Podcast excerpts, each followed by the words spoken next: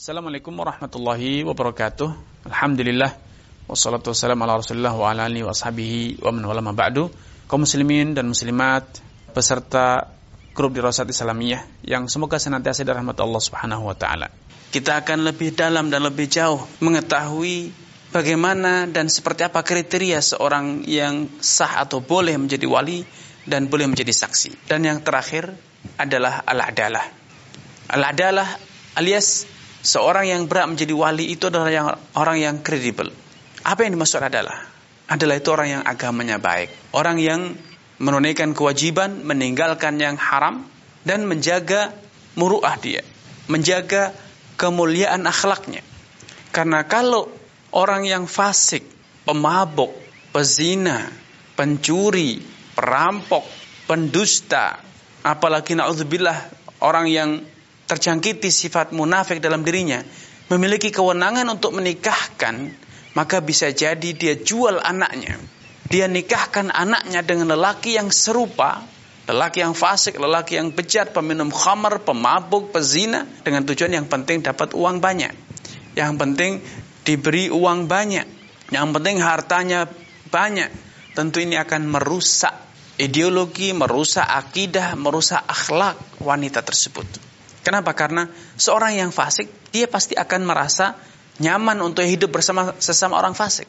Apalagi bila dia diiming-iming dengan harta yang akan bisa menjadikan dia lebih leluasa berbuat kefasikan, minum khamar, berzina dan lain sebagainya. Makanya kalau orang fasik dalam urusan harta saja bisa jadi ketika orang fasik itu menghambur-hamburkan hartanya untuk berfoya-foya, menuruti nafsunya, bersenang-senang sehingga merusakkan, dapat menghancurkan kekayaannya, maka secara hukum syariat boleh dihajar. Keluarganya boleh mengajukan gugatan ke pengadilan agar kewenangan lelaki tersebut dicabut, kewenangannya membelanjakan hartanya dicabut. Kenapa? Karena kalau tidak hartanya akan dihambur-hamburkan dalam kefasikan, dalam perbuatan dosa dan akibatnya dia akan menelantarkan nafkah anak dan istrinya. Kalau itu terjadi pada urusan harta, apalagi dalam urusan kehormatan putrinya, kehormatan saudarinya, bibinya. Tentu lebih layak bila kewenangan orang yang semacam itu dicabut. Ini alasan yang diutarakan dalam madzhab Imam Syafi'i. Walaupun secara tinjauan fikih sebagian ulama kurang sepakat dengan adanya persyaratan adalah ini. Kenapa? Karena mereka melihat Ulama yang lain berpendapat bahwa status perwalian itu sama halnya dengan status nasab, waris mewarisi.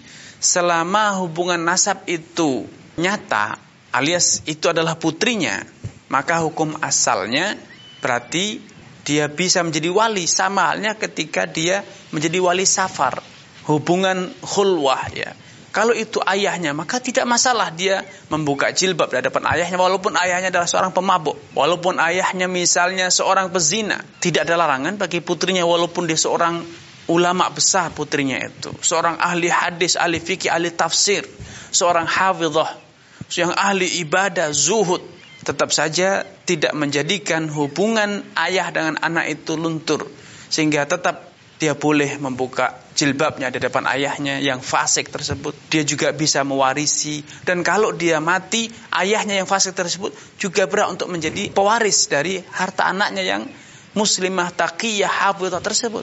Demikian pula halnya dengan status perwalian dalam hal nikah. Karena mereka menyatakan bahwa hukum perwalian itu termasuk hukum wad'i, hukum sebab akibat yang Bila telah terwujud sebabnya, maka akibatnya pasti terjadi. Sedangkan sebab dari adanya perwalian baik wali safar ataupun wali pernikahan itu adalah adanya hubungan mahromiyah, hubungan darah, ya, hubungan nasab. Dan itu ada. Maka tentu tidak tepat dan juga tidak pernah ditemukan dalil. Tidak ditemukan dalil yang menyatakan bahwa dia bukan wali atau menggugurkan status kewalian dia, statusnya sebagai seorang wali. Namun kalau mungkin ya, kalau dikompromikan bahwa karena dia orang fasik, ayahnya itu orang fasik, pemabuk, pezina, peminum khamr misalnya, sedangkan wali lainnya itu wali yang lebih baik agamanya, bisa jadi dalam hal ini ketika terjadi perbedaan pendapat dengan siapa wanita ini akan dinikahkan. Ayahnya ingin menikahkannya dengan orang fasik, dengan peminum khamar yang serupa, kawannya dugem misalnya.